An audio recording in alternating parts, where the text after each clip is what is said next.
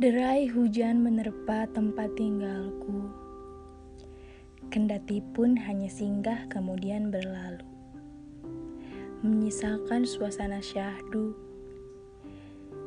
Ingin kuceritakan sedikit tentang seseorang, sosok wanita bertubuh mungil, berparas cantik.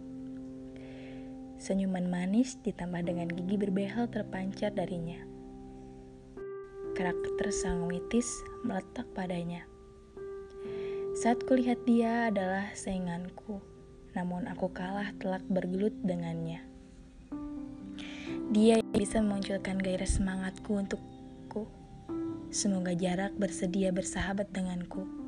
Sekedar tetap mungkin atau bahkan lebih dari itu. Terima kasih telah menjadi inspirasi. Sengaja di sini kusebutkan aku karena ingin lebih akrab dengannya.